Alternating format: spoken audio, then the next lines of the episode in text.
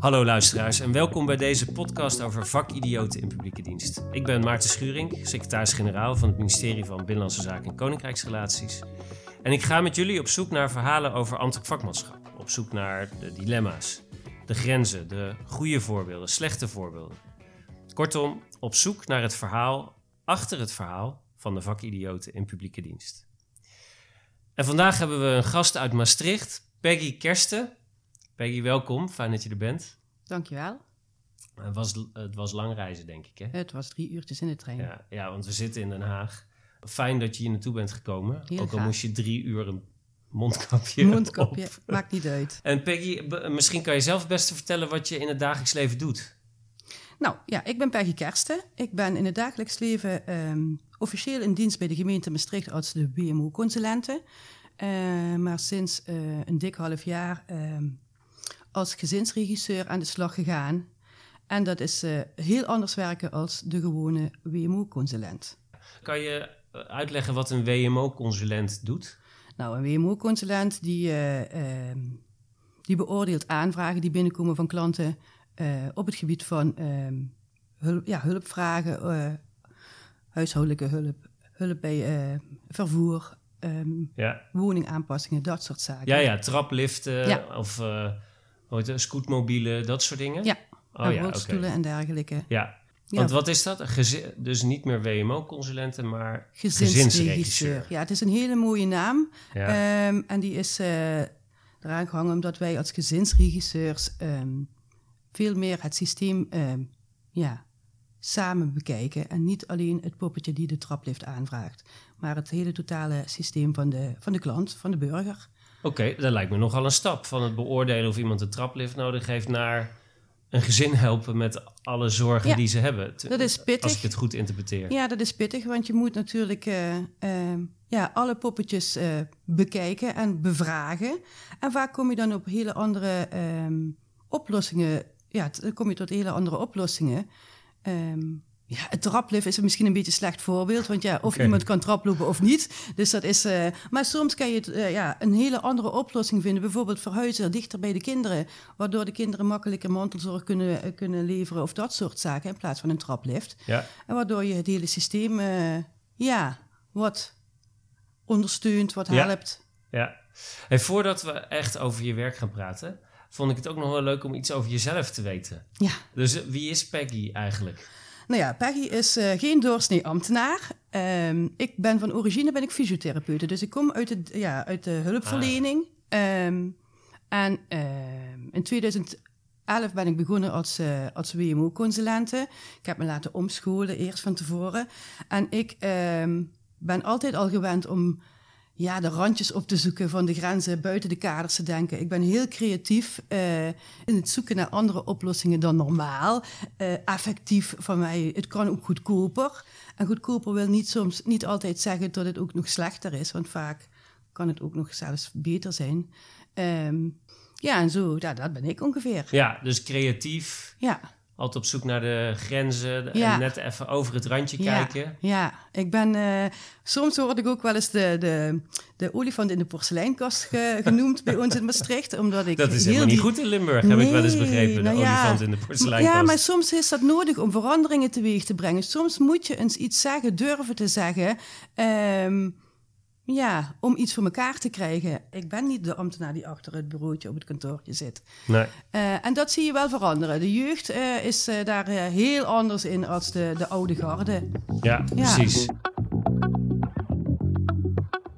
We gaan het eens even hebben over wat je dan doet als je niet die ambtenaar achter het bureautje, achter het computertje eh, bent. Ja.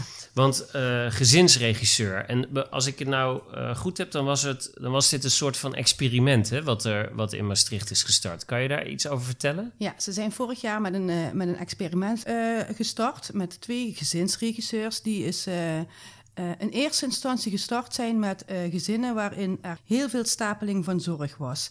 Waarvan ze zagen van nou, er zijn, uh, er, de mensen hebben WMO-voorzieningen, de mensen hebben jeugdvoorzieningen, de mensen hebben een uitkering. we gaan daar eens mee aan de slag. en een jeugdvoorziening, wat, wat is dat? een jeugdvoorziening, dat zou dus begeleiding zijn voor een kind in, de, in het gezin. Ja. Um, of een dagbesteding voor een kind die niet naar school kan gaan, omdat het schoolsysteem niet passend is. Ja. Um, Jeugdzorg komt ook om de hoek kijken uh, als er problemen in het gezin zijn uh, tussen de ouders bijvoorbeeld. Ja. Echtscheidingsproblematiek. Ja. En die twee uh, gezinsregisseurs die die pilot zijn gestart, ja, die hebben daar de tijd voor gekregen, want dat is een factor, de tijd voor gekregen om te gaan investeren in, die, in dat systeem van die burger. En wat ze na dit jaar gezien hebben, is dat er niet bij alle gezinnen iets verandert, want ja, soms krijg je het niet geregeld om dingen anders te krijgen omdat de oorzaak van de problematiek gewoon niet op te lossen is. Uh, maar uh, in heel veel gevallen hebben ze, en dan is het leuk voor, ja, leuk voor ons als ambtenaar om te horen, dat uh, de burger het vertrouwen in de overheid meer terugkrijgt, omdat ze zien dat iemand betrokken is, dicht bij ze staat en, en durft te gaan schakelen tussen, tussen betrokkenen en zorgaanbieders, wat allemaal betrokken zijn in een gezin. En uh, de meeste mensen hebben dat heel, heel positief ervaren. En ja, als je dan onderaan de streep ook nog goedkoper uitkomt, dan is het voor de. ja, dan is het natuurlijk voor, voor, voor, voor, voor, iedereen goed. Jij hebt dus een aantal gezinnen ja. uh, waar je komt. Hoeveel zijn dat er eigenlijk? Nou, wij zijn dus gestart met eentje. Oké. Ik heb wel mijn eigen normale werkzaamheden, hè, mijn andere caseload. Ja. Maar ik, ben, ik heb zelf één gezin gekozen om daarmee te starten, om, om een begin te maken. En ik heb zelf al gemerkt hoe moeilijk het is. Want ik heb mezelf de lat misschien een beetje te hoog gelegd met het gezin wat ik gekozen heb. Want ik merk er nu al aan dat het, uh, dat het niet zo makkelijk gaat als dat ik in mijn hoofdje had bedacht. Want die burger die ziet wel weer van, oh, er komt weer een poppetje. Ja, leuk, weer een mooie naam, gezinsregisseur. En wat kom je doen? Maar ik kan me voorstellen dat het ook best ingewikkeld is. Want je, komt, ja, ja, je gaat voor het eerst naar zo'n gezin. Ja die denken inderdaad, nou, er komt weer een poppetje, zo, ja, zoals ja, jij het zegt. Een gezinsregisseur. Nou, uh, als je de taal niet goed spreekt, dan weet je überhaupt dan niet wat een, een gezinsregisseur nee, is natuurlijk. het maar eens heel simpel uitleggen, is heel moeilijk. En, en wat, dus je, je komt daar binnen, je probeert het vertrouwen van die mensen te winnen. Ja. En wat doe je dan? Wat ga je dan doen? Nou, dat vertrouwen van die mensen winnen krijg je dus niet in één gesprek. Zoals wij dus vroeger gewend waren, het keukentafelgesprek, het hele mooie woord, het keukentafelgesprek vanuit de WMO. Dat was één gesprek en daarna maakte jij een beslismoment van wat gaan we doen. En in deze situatie uh, gaan wij gewoon veel vaker het gesprek aan. En wat me ook nog best wel ingewikkeld lijkt, is zeg maar, uh, alle systemen in ons land zijn eigenlijk best wel, uh, nou, complex. Ja. Uh, de, jeugdzorg is echt wel heel specifiek geregeld. Dat geldt voor de WMO. Nou, die ken je natuurlijk heel erg goed. Die ken ik heel goed. Maar de participatiewet die is weer anders geregeld. Hè? Dus uh, er wordt ook wel veel gevraagd van je, nou ja, we zeggen, mhm. bureaucratische competentie. Uh, ja. Dat je wel weet hoe al die regels in elkaar zitten en waar je dan moet zijn. Hoe, hoe gaat dat? Hoe doe je dat? Um, nou ja, wij zitten bij ons um, in Maastricht op kantoor gemengd wij hebben, uh, mijn team bijvoorbeeld, uh, is dus niet alleen maar WMO-consulenten, ah. maar wij, wij zijn integraal uh, bij elkaar gezet, een paar, twee jaar geleden. En van, van camera eens kijken, ga elkaar kruisbestuiven. En als jij leergierig bent en je bent nieuwsgierig, dan ga je eens praten met jouw collega van de participatie. Wat, hey, hoe zit dat eigenlijk allemaal met die, uh, met die uitkering? Mogen mensen nog op vakantie? Of hoe gaat het allemaal? Dus je, je praat gewoon, je, je, ja, je bent bij elkaar in één, één gebouw op één afdeling. Dus je gaat veel meer met elkaar in gesprek. Ja, gewoon vragen, hulp durven vragen. En ik kan bijvoorbeeld, en daar komen we eventjes op het puntje uh, eh, AVG-technisch. Ik kan bijvoorbeeld uh, niet in het systeem van jeugdzorg kijken. Dat is heel beschermd. En terecht misschien wel, want het gaat om kwetsbare kinderen. Um, dan moet ik dus nu, hebben we sinds kort geregeld, want ja, als gezinsregisseur moet ik wel kunnen inzien of iemand, ik hoef niet inhoudelijk te weten wat er aan de hand is, maar wel kunnen inzien of iemand een voorziening heeft of niet. En als ik dan al mijn collega's achterna moet gaan lopen om dat, ja, om dat te weten te komen, terwijl ik eigenlijk op één druk op de knop het, uh, um, ja, het zou kunnen weten eh, ja, dan gaan we over lobbyen. Dan gaan we naar de hogere, hogere rangen in onze organisatie. Om het voor elkaar te krijgen over alsjeblieft. Want de burger heeft netjes toestemming gekregen, gegeven aan ons om dat op deze manier te doen. Of we dan ook nog echt wel in die systemen kunnen bekijken. En dat zijn allemaal van die dingetjes die ja, een beetje negatief meewerken daarin. Want ja, één druk op de knop en ik heb het gezien. Of ik moet een half uur gaan zoeken. Dus effectiviteit is daarin wel, uh, wel heel prettig. Ja. Ja. ja, dus je zegt eigenlijk de, de, de systemen die we hebben, die zijn niet per se allemaal gemaakt voor over de grenzen heen werken. Nee, nee, nee. Dus dat vraagt best wel veel van je. Ja, dat, de, ik had dat vermoeden eerlijk gezegd al. Ja. En um, zijn, zijn je collega's wel altijd bereidwillig om je te helpen? Of denken ze ook wel eens, nou, uh, nou is het wel genoeg? Ja, je hebt, al, ja, je hebt verschillende soorten mensen. Hè? En je kiest je poppetje uit waarvan je weet van daar kan ik terecht. De meeste zijn trouwens heel erg uh, hulp, ja. hulpvaardig. Maar je moet me ook even Maar het is mensenwerk. Hè? Het is mensenwerk. Dus je kiest ook een beetje uit bij wie je weet van nou, die uh, snapt wat ik aan het doen ben. Die wil ook over grenzen heen werken. Ja, je zoekt elkaar een beetje op. Ja, ja. Zo'n gezin hè, uh, waar je dan komt, weten die van tevoren dat je komt? Ja, ja. Want en hoe wordt dat aangekondigd? We hebben nou iemand, dus een soort Superman, en die komt je uit de brand helpen. Zo ongeveer? Uh, nee, het gaat iets, iets meer uh, vloeiend. Uh, in mijn casus bijvoorbeeld, daar was dus al een jeugdconsulente betrokken, omdat er al voorzieningen voor de jeugd war, waren. En um, die heeft gewoon aangegeven van de WMO-consulente wordt erbij betrokken. En in dat, in, die, in dat kader ben ik ingevlogen. En daarmee hebben we de mensen aangegeven, nou, ik ben wel de WMO-consulente, maar ik ga jullie ook met de rest. Ik ga jullie oh, als gezin uh, daar, uh, daarin uh, wat meer meenemen en ondersteunen, dat ik dus altijd ook het, het aanspreekpunt van de gemeente ben. Ja. Of je nu inderdaad wat voor die, voor die uitkering moet geregeld hebben of wat dan ook. Je weet, je kan bij Peggy terecht en Peggy schakelt intern.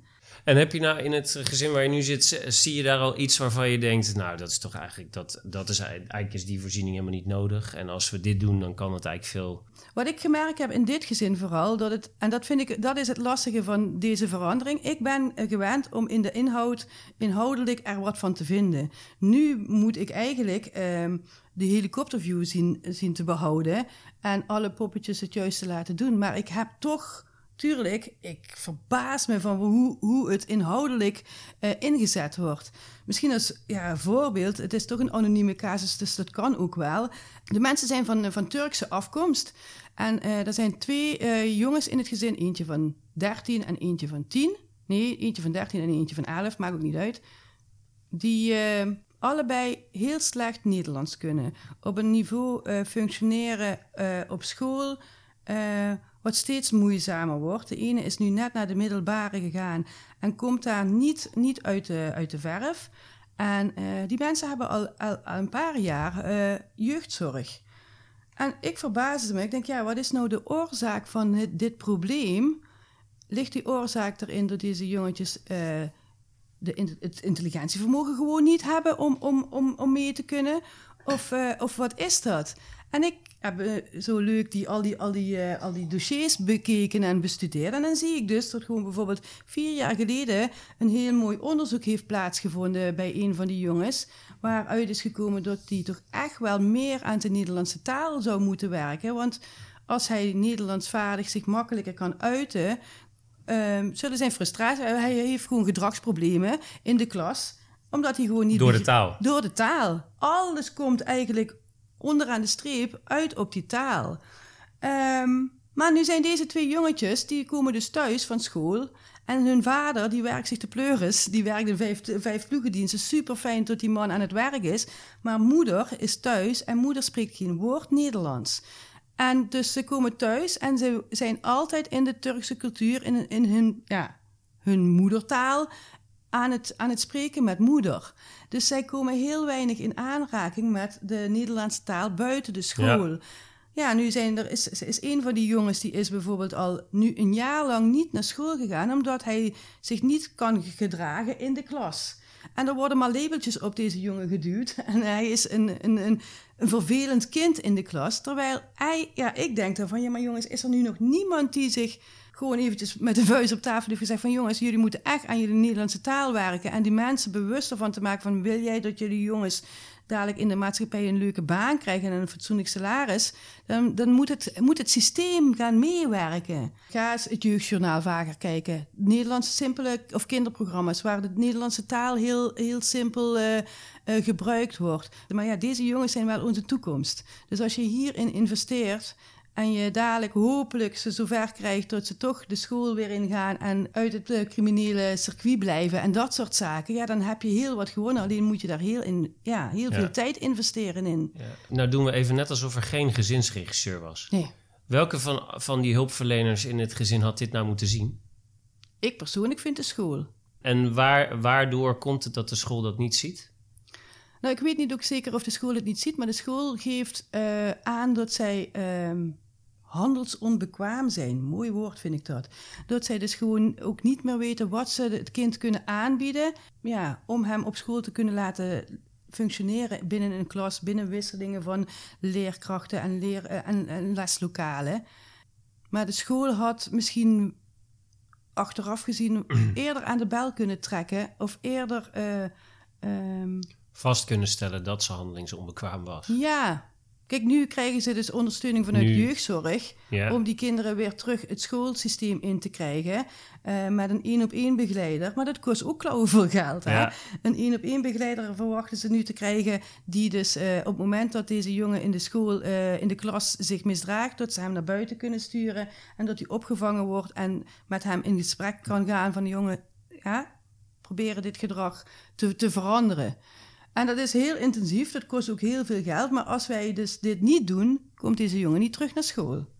Dus het is een beetje een overweging waarvan ik denk van... Jezus Christus, moet dat allemaal zoveel kosten? Uh, en moet dat allemaal uh, zo extreem zijn? Kan het niet anders? Maar uh, schijnbaar is ons, ja, ons, ons schoolsysteem en ons eh, ons Nederlandse lesgeefsysteem dus dermate ingericht dat ze op een gegeven moment, ook al zijn ze speciaal onderwijs, het, het niet geregeld krijgen. En dan zie je dat kinderen thuis komen te zitten zonder scholing. Ja.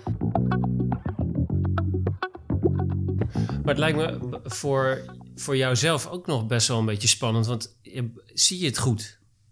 Dat is ook nog even de vraag. Hè? Twijfel, je, twijfel je daarover? En, hoe ga, ehm. en, en als je dat doet, hoe ga je daar dan mee om? Nou, ik weet, ik zie wat ik zie. En dat maak ik dan bespreekbaar. En soms hoor ik van ja, we kunnen het niet anders. Of de mensen hebben gewoon het advies niet opgevolgd. En dan krijg je een ander beeld dan wat je op papier in je dossier hebt gelezen als je het gesprek aangaat. En gewoon eerlijk zegt van jongens, mij verbaast het me dat hier al zoveel jaar zoveel zorg in zit. En deze jongens eigenlijk nog onderaan de streep staan. Als we, er zijn niks opgeschoten. Dus je benoemt gewoon iets wat je ziet. En dat is al waarschijnlijk een, een trigger genoeg om het dus anders te denken. Kan je bijvoorbeeld ook, uh, zou dat ook denkbaar zijn dat je alle uh, zorgverleners die uh, rondom dat gezin actief zijn, dat je die bij elkaar haalt? Kan dat ook? Dat kan ook zeker. Dat gaan we dus nu toevallig met dit gezin de vijftiende doen op school. Dat ik even allemaal alles bij elkaar, dat we even duidelijk hebben van nou weet je, jullie doen dit, jullie doen dat, maar we moeten eventjes alle de neuzen de, dezelfde richting op krijgen. Willen we hier effectief uh, deze jongens dit komende schooljaar uh, op school behouden? Dat is soms nog nooit gebeurd, dat vind ik dan heel verbazingwekkend. Dat ik denk, ja, maar ja, dat poppetje doet dat, dat poppetje doet dat. En iedereen doet wat en soms spreken ze elkaar wel, maar ja, echte daadwerkelijke samenwerking tussen schoolbegeleiding en, en de gemeente bijvoorbeeld, dat was er niet. Uh, doe jij dat dan zelf of krijg je, heb je daar ook nog hulp bij? Omdat, om dan, want het lijkt me ook nog wel weer ingewikkeld. Uh, als ik dat zou willen, kan ik daar hulp bij krijgen. Maar ik ben een type van ik vlieg er wel in en ik zie wel waar het schip strandt. de Pippi Langkous ja, uh, ja, ja. doctrine. Dat is net nooit gedaan, als dus ik denk hier. dat ik het kan. Ja, ja, nooit gedaan, dus ik denk dat ik het kan. En maar zo ga ik het ook naar die burger toe. Want als die burger ziet dat ik me kwetsbaar opstel, ja, dat, dat geeft een heel ander gevoel. Ik, ik hoef niet te zeggen van ik, ben, ik durf dit gesprek niet aan te gaan, maar ik, durf, ik kan wel zeggen van jongens, dit wordt wel een pittige.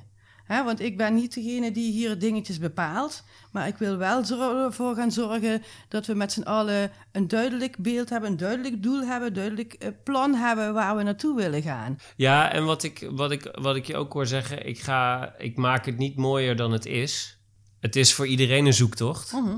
En daarmee wordt dat gezin ook onderdeel van. eh, Die moeten ook meezoeken. Ja. Het is niet de overheid die het eens even van je overneemt en het oplost. Nee. En dat is dus ook weer zo'n verandering, wat ook niet 1, 2, 3 gaat. Want die burger is gewend om te zeggen van ja, ik vraag wat en jij doet wat.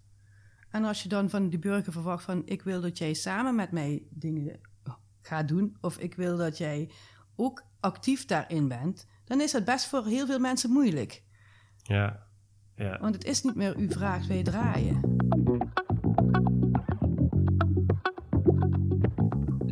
Ehm, vind je dat werk als WMO-consulente ook nog leuk? Ja, als ik het mag doen op mijn manier.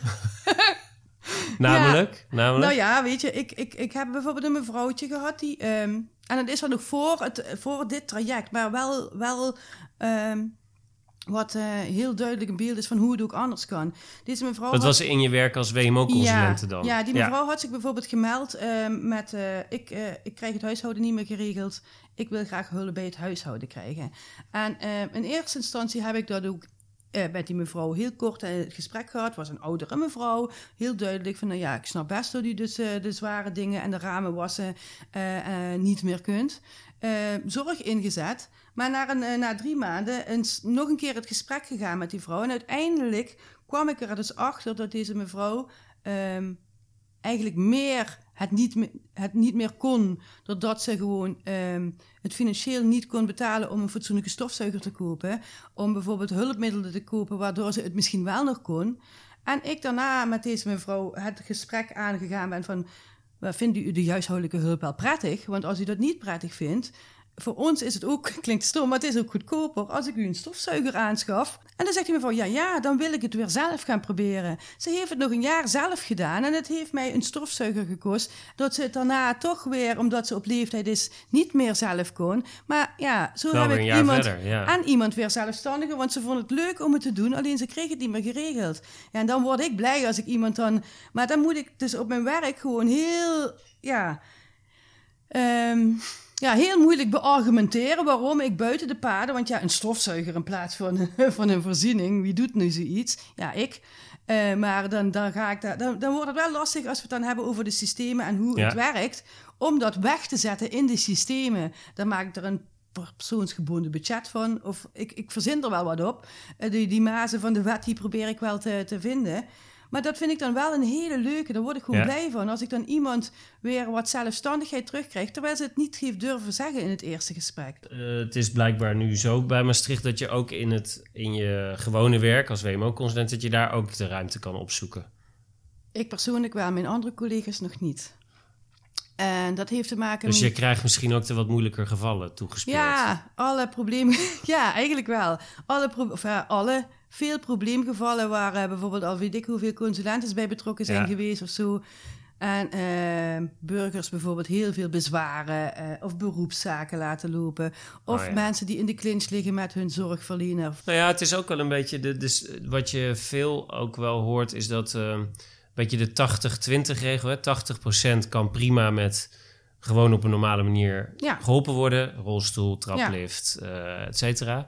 Maar die 20% die heeft net even wat extra's nodig. Ja, En dat is een beetje wat ik, wat ik van je hoor. Die, die 20% die net wat extra's nodig heeft, om welke reden dan ook. ja, Wat net even wat maatwerk vraagt. juist. Die komen Eh daar moet je ook net even op een andere manier mee omgaan. Ja, En misschien heb je daar, nou, daar heb je misschien ook gewoon andere eh, mensen voor nodig als ambtenaar, zeg maar even, ja. die daar mee om kunnen gaan. En het is ook heel fijn dat ze dus nu eindelijk vanuit de gemeente vinden, ik vind dat eindelijk, dat ze gaan kijken naar onze, ja, de werknemers. Zet die werknemers in hun eigen kracht. Ja. Kijk, ik ben daar krachtig in, dus ik laat mij dat doen. Hey, en stel nou dat je alleen maar gezinsregisseur zou zijn, dus even dat de, de WMO-zaken afhandelen, dat doe je niet meer. Hoeveel Nee. gezinnen denk je dat je tegelijk zou kunnen doen eigenlijk? Dat vind ik nu heel lastig inschatten, omdat ik gewoon niet weet, omdat ieder Hoe gezin is. juist, ieder gezin is natuurlijk anders. Kijk, je komt er dan blanco in en uiteindelijk blijkt er een gezin te zijn van drie kinderen, maar waarvan de opa en oma ook nog betrokken zijn en daar allerlei problemen zijn, dan, dan ben je daar intensiever mee bezig. Dus ik denk dat dat heel lastig van Dus je tevoren kan eigenlijk niet zeggen, is. caseload kan vijf zijn of tien. Nee. Dat hangt enorm af van de... Nee, En dat is het lastige, ook voor, de, voor de mensen die dus uh, bepalen dat we op deze manier gaan werken. Want je kan niet alle klanten op deze manier gaan, gaan benaderen. Want dat is gewoon veel te tijdsintensief. Dat snap ik ook wel. Je zou het liefste dat willen, maar dat, dan, dan ben je onderaan de streep nog veel duurder uit. Uh, maar juist die mensen die daar wel... Dus ja, je moet gaan filteren tussen je casussen. Van hey, deze is een... Wat jij ook aangeeft, deze is een simpele, die kan zo afgehandeld worden. Maar complexere, eh, complexere dingen of mensen waarvan je denkt... die zijn heel langdurig in zorg en die hebben op verschillende... Uh, um, domeinen hun, hun zorg. Ja, dat je die dus wat meer gaat benaderen, de, uh, even meer gaat be, begeleiden. Ja, je moet er een beetje gulden middenweg in doen, want het kan niet al, al ja, het ja. is niet uh, overvol, dus het kan niet, uh, niet alles. Ja.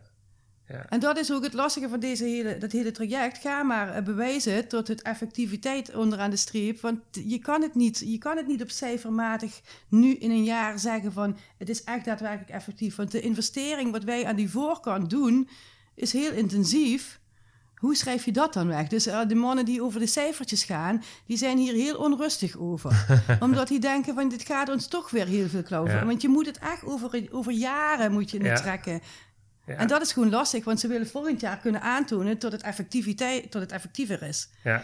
Ja, met het voorbeeld met die jongetjes, die zijn dus over een paar jaar pas klaar met hun school. Dan pas kunnen we wat zeggen van, hé, hey, ze zijn van school af, ze zijn klaar voor de werksituatie in plaats van, uh, wij krijgen een uitkering. Ja. Kijk, dat is, daar, zijn we, daar gaan we jaren verder. Ja. En dan heb ik nu in geïnvesteerd. Dus dat is gewoon ja, heel moeilijk om dat cijfermatig vast te gaan leggen. Ja. Daar hebben we gelukkig andere mannetjes voor die, en, ik, niet. Maar ja, dat, is wel, ja dat, dat snap ik. Want hoe, wij, wij proberen het zo mooi te, te beschrijven van wat, wat, wat we zien en wat... We kunnen ook heel veel uitzoeken, hè. Het is wel leuk om te zeggen, vind ik... Um, we krijgen van de burger de toestemming om overal um, informatie te vragen. Ook bijvoorbeeld bij een zorgverzekering. En als je gaat kijken naar um, de zorgkosten Soms kan je ergens op bezuinigen. Ik noem maar het zo wat. Als jij iemand hebt die uh, diabetes heeft en inderdaad heel erg uh, energiek beperkt is. Als je die voor elkaar krijgt dat hij gaat bewegen, waardoor hij bijvoorbeeld veel minder insuline nodig heeft of wat dan ook, heb je ook bespaard op het, zorg, het hele ja. totaalzorgplaatje. Dan heb je niet zozeer het bez, ja, bezuinigd op het sociale domein, maar wel heel, heel breed. En als je dat... Ja, aan maatschappelijke kosten wel. Ja, aan maatschappelijke kosten. Want we moeten niet in die kleine hokjes denken. Het is een heel groot goed waar wij uh, ja, mee kunnen werken. Aanwerken, ja. zo is het. Ja, mooi. Nou, Peggy, ik vond het hartstikke leuk om te horen hoe jouw uh, werk eruit ziet er veel van geleerd, moet ik zeggen. De, de vaste afsluiting van de podcast uh, betreft uh, de tegeltjeswijsheid. Oh. Dus wat ik je zou willen vragen is... als je nou een advies mag geven aan al die andere collega vakidioten in publieke dienst... wat is, wat is de, de lijfspreuk of het advies wat je dan uh, zou willen geven? En het, het, nou, je bent geen ambtenaar die achter een bureautje, achter een computertje een notaatje typt... Uh, dus het moet op het tegeltje passen en dat, dat moet je lukken. Ik ga het je zeggen. Ik heb natuurlijk drie uur in de trein gezeten. en ik heb uh, heel veel verschillende tegelwijsheidjes opgeschreven. Maar ik vond er eentje vond ik wel handig uh, om te melden. Ben niet bang voor verandering. Zolang je in beweging blijft, kan je alle kanten op. Prachtig. Mooi. Oh, en een snik erbij. En een snik erbij. Die kan helaas niet op het tegeltje. Schrijf hem erop. Ja? Zeker, alsjeblieft. Uh, heel veel dank, Peggy, voor je aanwezigheid en uh, je mooie verhaal. Ja, graag gedaan. Dames en heren luisteraars, dit was uh, de podcast over vakidioten in publieke dienst met Peggy Kersten. Ik hoop dat we je hebben kunnen inspireren met dit verhaal over ambtelijk vakmanschap en ik zie je graag de volgende keer.